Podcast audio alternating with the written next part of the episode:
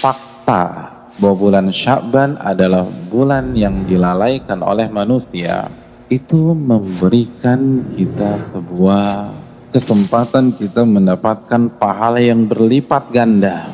Nabi kita Shallallahu Alaihi Wasallam bersabda dalam hadis riwayat Imam Muslim, al ibadatu fil haraji kal hijrati ilayya.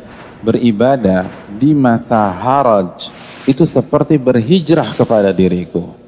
Al haraj itu bisa bermakna pada waktu manusia lalai.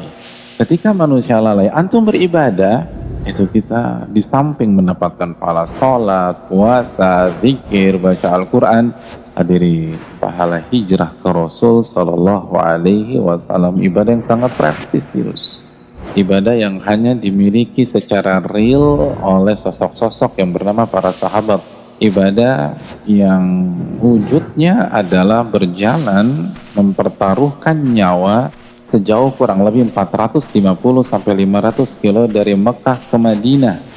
Oh itu luar biasa. Makanya jangan sia-siakan bulan Syaban. Nah, itu kalau kita bisa semangat beribadah, itu pahalanya luar biasa hadirin.